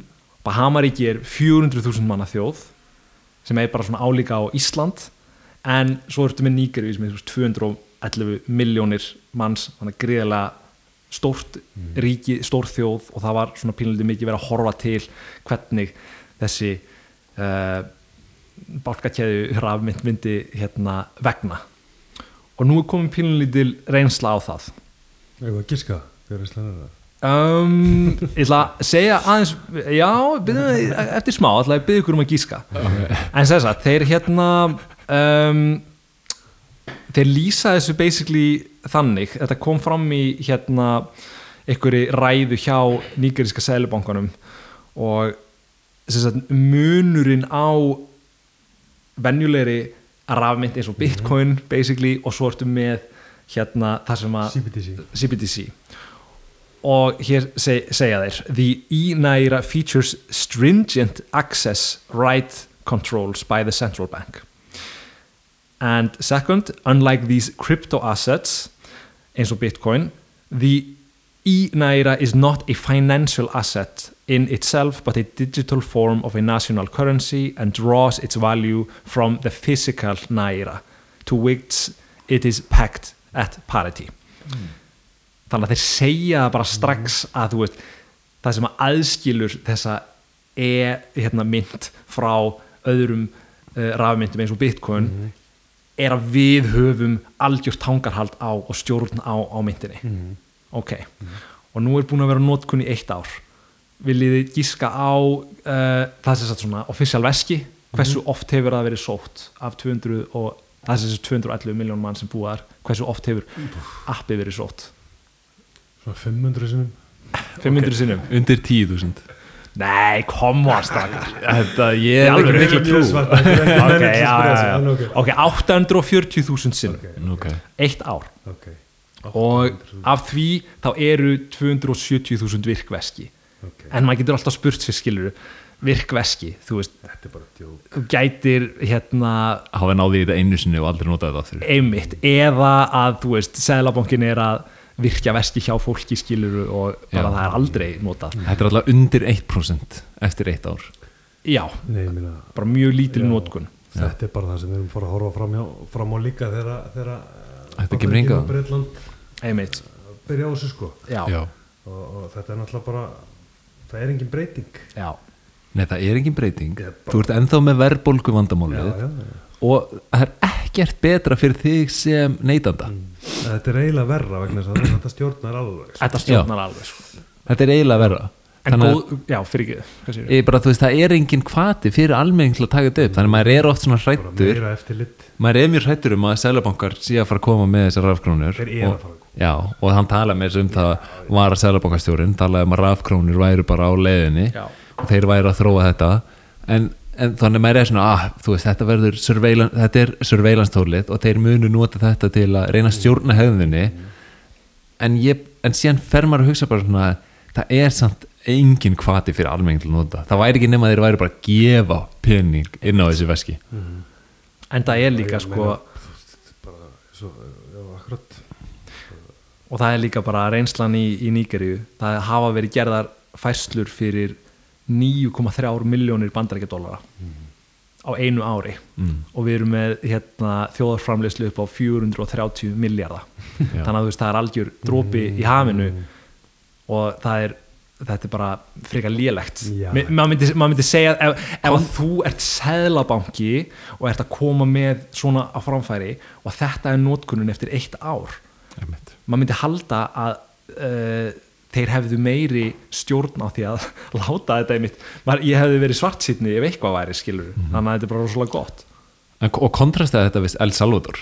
Veist, hversu mörg prósent af þjóðinu voru búin að ná í uh, a- svona official Bitcoin veskið sem heit Chivo Wallet í Já. El Salvador hversu margir voru búin að ná í það á einu ári einmitt, ég, það Þú var, veist. ég hefði átt að vera með Tjekka á því, já, sko. það er alveg, það eru, það eru fleiri en eiga bankaríkning í El Salvador já, þannig að þú veist, það er bara yfir Þarna sjáum við 40% bara- skilur. ná, já einmitt, það er alveg rétt við, já. við skoðum minna Já. og það er á innan við ári og Já. þú veist, fæslunar ég er bara ég, við, þú veist, væri gaman að gráða upp ég held að sé alveg crushing it sko. get ekki gráða upp samanburðin við El Salvador en ég, get, ég er með einna samanburð ég er núna búin að þylja upp þessar tölur um Central Bank Digital Currency í inningiru ég get búið það núna saman við uh, statistics um Bitcoin væðingu í Já, og það er mjög áhugavert að. Mm. Og sko bara svona til að byrja þá er uh, Nígerjubúar þeir leituðu oftast af öllum hérna, þjóðum í heiminum að orðinu Bitcoin á Google. Já, raunni, árið 2021 Já. það var þannig. Já, Nígerja er bara stórveldi þegar það kemur að, að Bitcoin og það var gerð rannsókn það er hérna uh, fann rannsókn frá uh, kryptomarkaðinum sem heitir KuCoin það sem getur verið að uh, eiga í viðskiptum með Bitcoin og aðrar uh, sögurmyndir en þeir sem sagt gefa út hérna skýrslu fyrr á þessu ári þar sem þeir voru búin að gera rannsókn á meðal nýgeriskur þjóðarinnar og er að spurja um alls konar svona crypto-related. Og þannig að það er svona einmitt kaviatið er pínlítið svona þú veist, að þetta er krypto hérna markaður þá er þeir meira að tala um cryptocurrencies frekar en bitcoin eða aðra myndir. En við, held, ég held að við getum sett hann skilninga á þetta að veist, þetta er svona the alternative from central bank dig, digital currencies. Það eru sem sagt 33,4 miljónir nýgaribúa sem að eiga rafmyndir wow. og það eru basically 35% af íbúum á aldrinum 18 til 60 ára. Wow. það er rosalega há prósenta og 52% þessa hóps sem að eiga rafmyndir þeir hafa sett meira en helming af eignunum sínum. Hvað sagður mörg prósent? Mei, 52% Vá maður. Hafa sett meira en helming af eignunum sínum Í- í krypto. Wow. Nei, ég meina, þú veist, ef þú, ef þú uh, sér þessar tölur um verðbólguna og hversu uh, mikið kaupmátturinn á þjóðgjaldmiðlum hefur rýrnað, þá er þetta bara ótrúlega skiljanlegt Já, en gríðarlega stóra tölur þáttur það sann, sko. það er ekki erfitt að semfæra fólki í Nígeri um harðan pening. Nei. það skilur það bara út af já, af verðbólgu. Þetta er það sem er svo gott við Bitcoin Þetta er náttúrulega bottom up technology. Einmitt, uh, þeir sem eiga og hafa það gott þeir þurfa ekki að pæla í þessu. Einmitt. Svo voru þeir spurðir uh, sem sagt, um hvort þeir að auka við fjárfestingar sínar í krypto á næstu sex mánuðum ekki og það voru 70% þeirra sem að eiga nú þegar sem ætluðu að gera svo. Já, Nice. þannig að þú veist, þeir halda áfram að stakka. Já, já. mm Þetta, er, þetta er óumflýjanlegt. Já, Það og það er basically sprenging í bitcoin-væðingu í Níkaríu og þá var þetta spurningarnar af hverju og ég er með svona tvent til þess að hérna, segja frá því. Það er sem sagt, svo maður haldi áfram að tala um blockchain og krypto, það er sem sagt svona blockchain ráðgjáfi fyrirtæki í Níkaríu bara sem er að skoða, þú veist, þennan heim. Og þeir segja sem sagt, þetta heitir Convexity þetta fyrirtæki og uh, í einhverju fréttakarinn sem ég gróf upp þá segja þeir We see a lot of daily traders who are trading to make ends meet. We don't have big institutional level traders in sub-Saharan sub Africa. The people driving the market here are retail. Þannig að þú veist, fólki sem er að kaupa bitcoin, þetta er bara vennilegt fólk. Þetta er bara fólk sem er að reyna að ströggla, að reyna að lifa. Svo heldur hann áfram og segir Nigeria has a ton of highly educated young graduates with high unemployment rates. There are no jobs available. So crypto to them is a rescue. It's a way to feed their family and solve their financial daily needs. Burtsið frá því hérna með uh, Bitcoin versus uh, al- alternative cryptocurrencies og allt það. Þetta er bara fólk sem á í, í vanda. Það fær ekki, það getur ekki aflað sér tekna til þess að, að kaupa sér mat. Þannig að það leitar í eitthvað annað. Og leiði náttúrulega út úr, út úr þessum hérna, harmleik er að fræða nýgerisku þjóðuna náttúrulega bara meira um, um uh, bitcoin. Og það, er, það eru fyrirtæki sem eru að, gera góða hluti. Þessi Paxful eru þeir ekki, hérna það er uh, fyrirtæki sem er held ég í Nígarju Jú, þeir eru, þeir eru bara út um allan heim en þeir Já. eru líka mikið í Nígeríu en það er annar punktur sem sagt með bitcoin-væðinguna, af hverju? Það er það bara því að fólk á það svo erfitt? Nei, ekki bara. Það er sem sagt hörð hendi stjórnvalda. Er önnur ástæðan fyrir því að bitcoin ímyndin hefur, hefur batnað? Þannig að það var pínlítið hér árum áður þegar að svona, þú veist já, fyrir árið 2017 að ímyndin í Nígeríu á Bitcoin hafi verið aldrei svona eins og er talað um hérna í íslensku samfélagi svona er þetta eitthvað píramítasvindl og eitthvað svona mikil tortrygni en það sem að gerist árið 2017 er að það verða mótmæli í Nígeríu. Árið 1992 er búin til hérna sérsveit á með að stjórnvöld setja á laginar sérsveit sem að hefur mjög slæmt orð á sér sérsveitin heitir Special Anti-Robbery Squad og er svona löggæslu sérdeild sem að vinnur gegn ræningjum og er svona þú veist að bílþjófnaði, mannrán og, og vopnaburður, svona þannig. Nema þessi sérsveit hefur það slæmt orð á sér að hún er orðin meiri ofbeldis hérna, aðili heldur en nýgeriska þjóðin. Þannig að það er talað um að hún sé responsible for extra judicial killings disappearing of people extortion and torture. Þannig árið 2017 voru hérna háar mótmæli gegn þessari sérsveit og almennt spillingu hjá stjórnvöldum. Og stjórnvöld bregðast við þessum mótmælum meðal annars með því að loka á bankareikninga hjá þeim sem að eru að mótmæla. Já. hafið hýrt eitthvað svipa gerast í vestrannu ríki síðslega mánu Ég hef ekki búist við því en jú, þetta maður frétta þessu kanda já, nákvæmlega, Kanada. Það er nákvæmlega sem gerist þar. En hvað gerðist í Nígerju sem að mótmælendunir þeir hafa allt í einu ekki aðgang að peningunum sínum. Akkurat. þeir get ekki keift sér mat. Þeir get ekki gert neitt skiluru mm -hmm. og neyðin kennir nægtir konu að spinna leita náttúrulega í þá laust sem að nú þegar til bitcoin, Já, ómiðstýriður óreitskoðanlegur og óstöðandi peningur þannig að ef þú ert með snjálfsíma, ef þú ert með internet aðgang þá getur þú fengið pening í gegnum kerfið og svo stendur hérna eitt kvót Government actions against protesters led to these groups looking to Bitcoin to accept donations. And after this successfully led to international support for the protesters this moment this moment planted the seed of the attitude toward Bitcoin in Nigeria slowly shifting in a positive direction. Þannig að þarna þetta er svona vendipunktur í Bitcoin-væðingu í Nígeru ég man eftir þessu að þetta var alveg sakalegt sko. já, og bara eitt mjög gott síndæmi um hvað hversu mikilvægt Bitcoin er og óreitskoðanlega eiginleiki í kerfisins. Einmitt. Fólk segir bara að þetta sé tilgangslust þetta er tilgangslust svo en orku bara segðu það við þú veist, Þá myndir þú þarft á því að halda sko. já, þá vil þarf það að halda.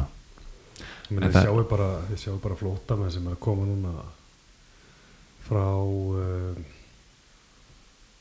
Sýrlandi já, Sýrlandi uh, öllum sem Já. stríðsjáðu stöðum sko. Einmitt, fólki sem á bitcoin það er það sem er að geta það getur ferðast með það. Einmitt. Já. einmitt, þetta er, þetta er gríðalug munur. Algjörlega. Þú ert ekki að fara að taka uh, út úr bankareikninum í stríðsir á landi. Nei, og lappa á milli Nei. hérna, yfir, yfir, landamæri. En það sem ég finnst vestsamt er þú veist, ofta er svona fólk sem að er í vandastatt og þú veist það er fjál, að þá eru samt ennþá einhverjir griftirar á kantinum sem eru að reyna að selja um hugmyndina krypto. Eða einhverju svona ponzi skími og að þau geti bara unnið við að treyta krypto skilur það er svolítið sorglegt. En ég er bara með að tala um mynda og myndi mér náttúrulega Jack Dorsey fyrir um Twitter CEO og hérna.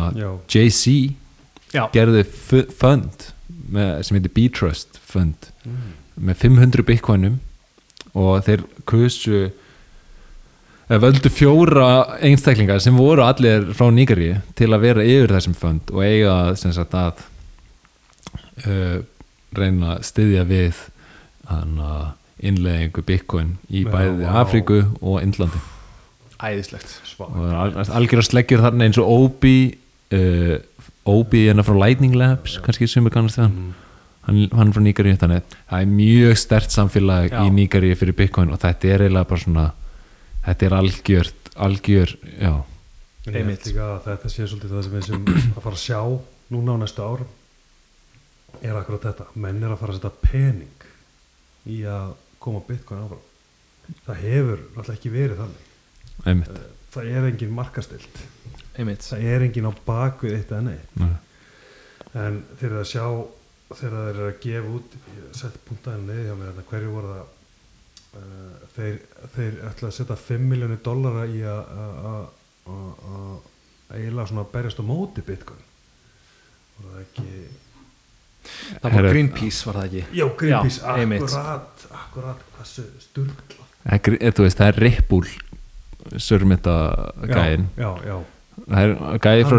Ripple sem að grætti mjög mikið þar sem að er sem sagt Mhm. borgaði Greenpeace 5 miljón dollara til að fötta Bitcoin. Já, og Greenpeace þetta er sem sagt Greenpeace USA Mhm. og þeir hafa fengið mjög mikið svona backlash fyrir þetta.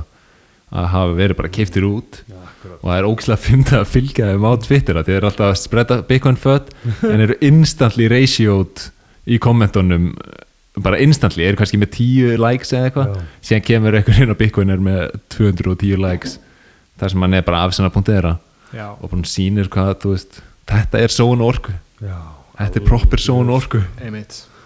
5 Já, ég miljón held dólar að- són Já, ég held að við munum sjá núna á næstu árum eru menn akkurat að fara að gera þetta menn sem eigur pening mm Mhm. að gera gott í þessu bitcoin heimi þeir fara að setja pening í markasendingu einmitt, en það er samt fyndið. þó svo að sé engin markastildi Bitcoin Mhm. þá finn ég um alla betra markasefni þú veist, ég fæ bara festundum að gráta yfir þessum myndböndum sem að lið er að búa til. Einmitt, það er líka að þetta er sannleikur sko. já, að þetta er sannleikur Það er- einmitt. Já, þetta er innlægt og Já. fólk er bara virkilega að með, þú veist, von um betri heim. Já, það er bara og bara efnið sem kemur er bara stundum er ég bara, what the fuck? Hvernig, þú veist, Akkurat. ég sé þetta ekki neyrist þar annars staðar. Einmitt. Ekki svona auðlýs eða þú veist, þessi myndbönd og lög og þessi mím bara það er að því að það er enga reglur. Já, Akkurat. einmitt. Og bara Sí- frjálst flæði, flæði. Við, við, vitum, við vitum allir að, að bálkanir verða til á cirka tíminna fresti og það verða bara til 21 miljón bitcoin. En svona heildar fyrirbærið skilningurinn minn er alltaf aðeins öðruvísi en skilningurinn þinn og, og hérna við erum með frelsi til þess að búa, það er engin markastæll limit sem er að segja okkur já við þurfum að vera með í þess, þessari letustærð, Já, það er nota þessar liti Mhm. gerum bara what the fuck we ever we want to Það do skilur sko. og þetta er ég, eitt af því skemmtilegasta við bitcoin hérna fyrir mér eru öll þessi memes það bara Já, er að eru góð, sko. kre, þetta, þetta er svo virkilega kreatífur heimur að maður, maður, maður hérna maður sér alltaf eitthvað nýtt. Já, já. og maður er er dálítið þreyttur á þú veist, maður, ég maður ólst upp in the 90s, maður horfði á sjónvarpið og maður er dálítið svona bara vanur einhverju svona þú veist, bíómyndir eru svona. Það er byrjun, miði og endir og svona er gott grín skilur það er smá Seinfeld skilur en svona eftir að interneti fyrir að hasla sem er völl og í um því eftir að svona þessi mýmenning fyrir að, að hérna riða sér vel til einmitt. það er einhvern veginn fokkar svo mikið í hausnum á manni að því að maður hugsar Já. til að byrja með bara, "Bíddu, má þetta? Akkurat. Er þetta bara í lagi? Já. Það er nefnilega málið, sko. æðislegt og ættum einhvern tímann að vera með eitthvað svona postaði uppáhalds bitcoin mýminuðinu já, fá fólk til að hérna segja frá sínu, eða ekki segja frá, bara postaði Já, bústaði bara. Það býtti það er, var ekki eitthvað svona, það var eitthvað svona þráður. íslenskur Mm. Nei, gott það var ekki bara já, Eitthvað mým postur, sko. Eitthvað svona, eitthvað svona, hérna, Með- þráður sem að það sem að var að vera starfslust postinn mýmum, sko. Og datt inn á þetta ekkert síðan daginn. Ég er inn á einhverjum- elska góð mím sko. Já, maður er inn á einhverjum telegram-grúpum þar sem að ég er ekki alveg nóg duglegur að, að, að skoða það, þú getur farið inn í eitthvað svona þú getur farið inn í svona telegram-grúpur þar sem að eru sko erfiðustu mýmin sko, alveg svona mjög þung mým sem að meika kannski ekki alveg sens og það er svona hit and miss en þau bestu þau náttúrulega rata inn á stóru samfélagsmiðlar Þau gera það, sko. Já. gera það. Mhm. maður mað sér þið þar Mhm. það er svo fyndið hvernig það virkar sko. Já, en já, ég man mér langaði að fella mitt síðast þetta sem við glindum og það var hérna Michael Saylor. Hættir sem, þú veist, það var alveg myndið þess sem við gerðum ekki síðast alveg þar síðasta þátt. Já, og þá steig hann niður sem forstjóri MicroStrategy. Einmitt. Og og eiginlega sama tíma og, og Jack Dorsey. Já, svona, svona svipuðum tíma. magna. Það eru tveir og báðir að fara yfir í, í Bitcoin. já, bara báðir Já, að einmitt. hætta starfinu sinu Mhm. til að fókusa einungis og alfarið á Bitcoin. Og það var eitthvað smá född um þetta eins og Michael Saylor að hérna, þú veist, nú væri bara stjórnin komið nóg á honum Já, og já, þú veist, hann þarf aðeins að stíða til hliðar. En ég held að sé núna frekar augljóst að hann er bara að fókusa 100% á Bitcoin adoption. Já, og að síðan þá, þá hefur þess að MicroStrategy verið að kaupa meira Bitcoin. Þannig ég held þetta, þú veist, þetta var engin, hafði engin áhrif á stefnu fyrirtækisins eða hvernig þeir Nei. hyggjast halda áfram, þetta var bara svo hann geti einungis fókusur á Bitcoin. Já, þannig að hann var eiginlega stepping down to step up. Vá, ummitt já, vel orðað.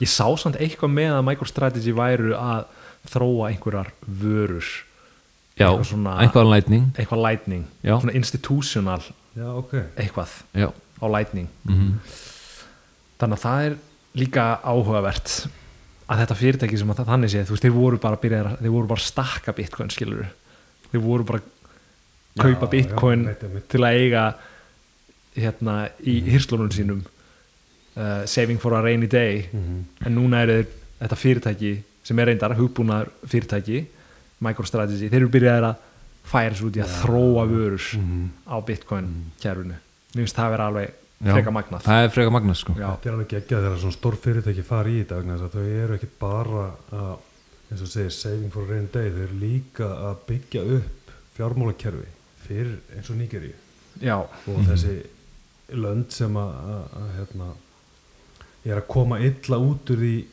hvað við í vestrana heim, heiminum höfum það gott sko. einmitt mm þessi orka, hún þarf að koma ykkur frá sko. algjörlega. Uh, hún er að koma frá þessum stöðum sem að eru ekki að lifa eins og við. Já, einmitt.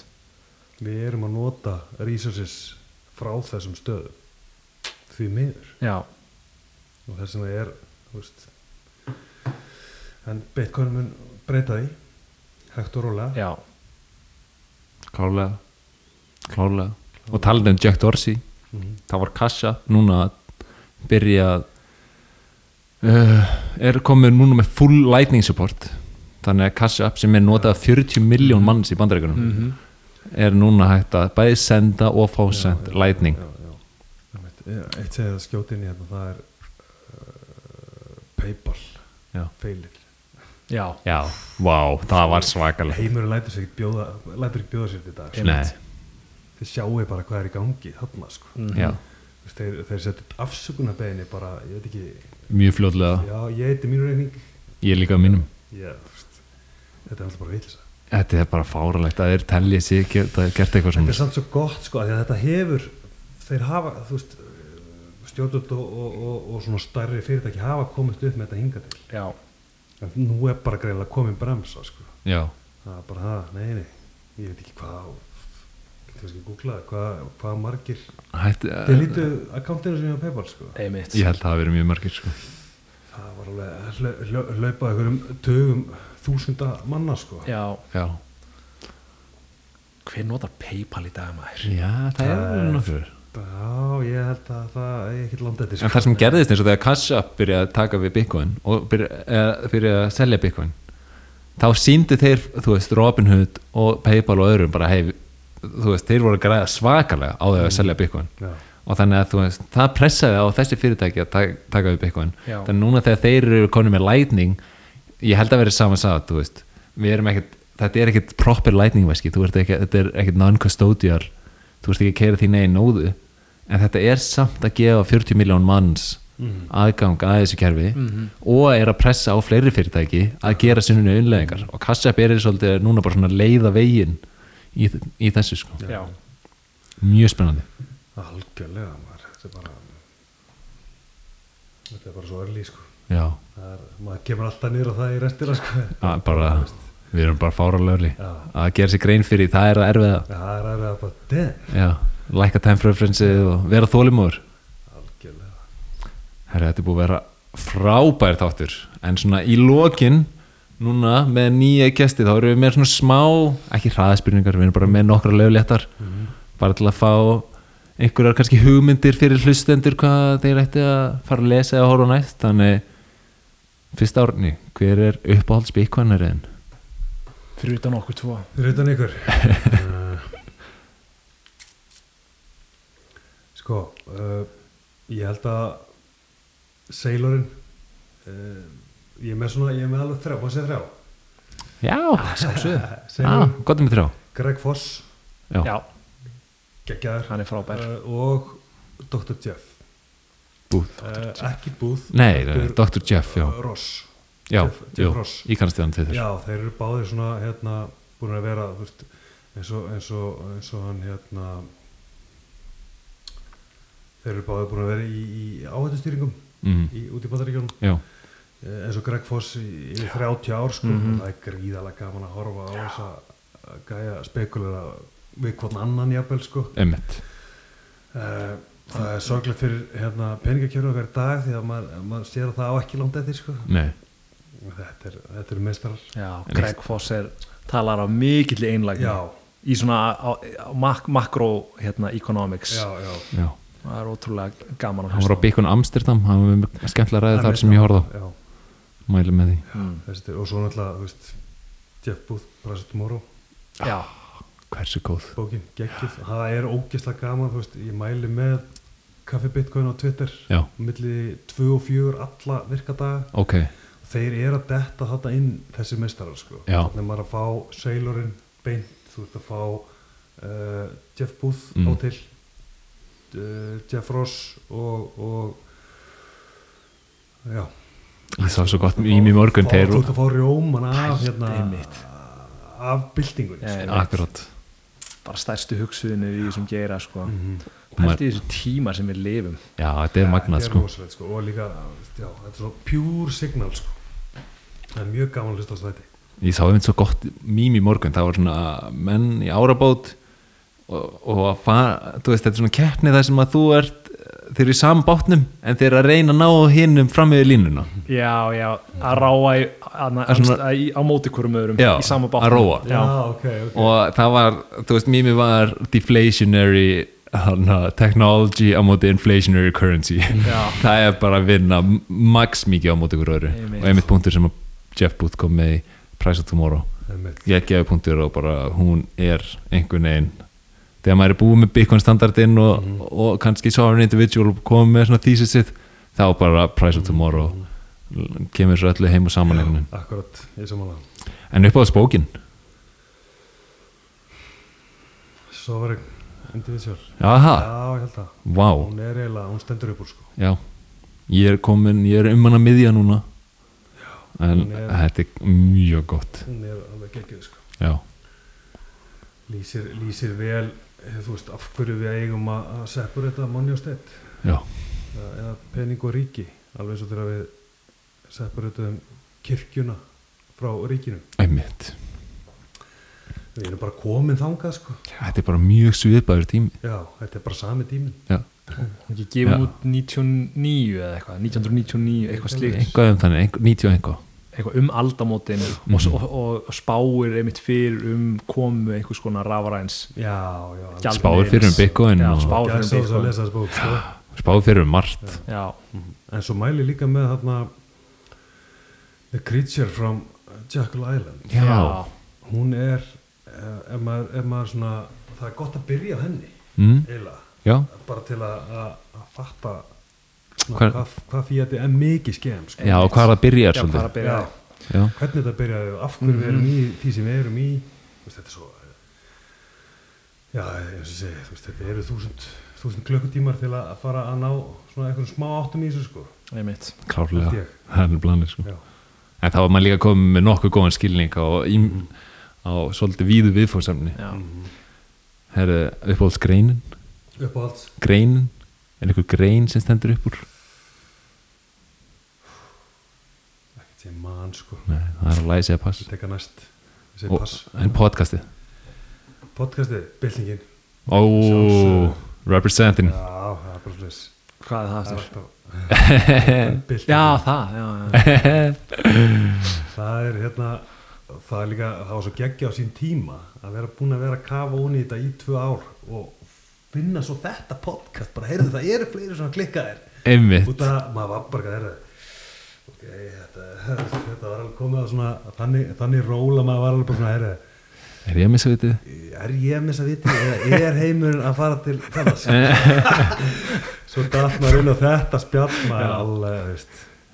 Það var nefnilega málið, það var svo gott. næs við byltinguna spjallið og algjörlega. að fá bara þetta samfélag já. að byggjum mögsum bara nöðsynlegt engin að gambla eitthvað þú veist, ekki eitthvað svona kryptodæmi bara það var lítið að, lítið að því sko.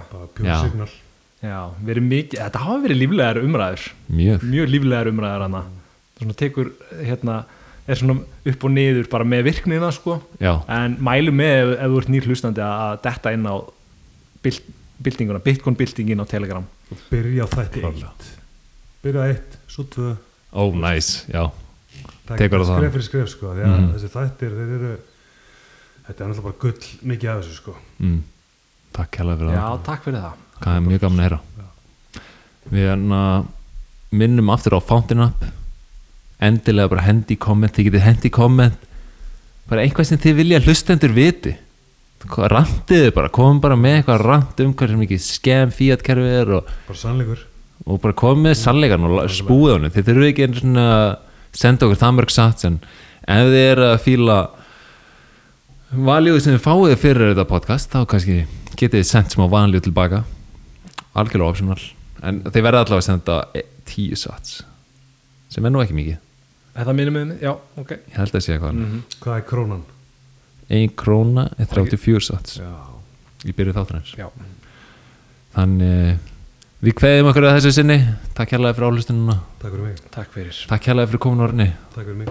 Gekka. og vonandi sjá það aftur Bloomberg Economics finding a 100% probability of a recession within the next 12 months Right now, we see level four uh, mutations like BF7 spreading. Russia hitting Ukraine's infrastructure with massive strikes across the country. China has decided to seize Taiwan on a much faster timeline. Slow down, you crazy child. We've all been anxious for quite a while. A couple wars might start while Europe's going dark. What's the play?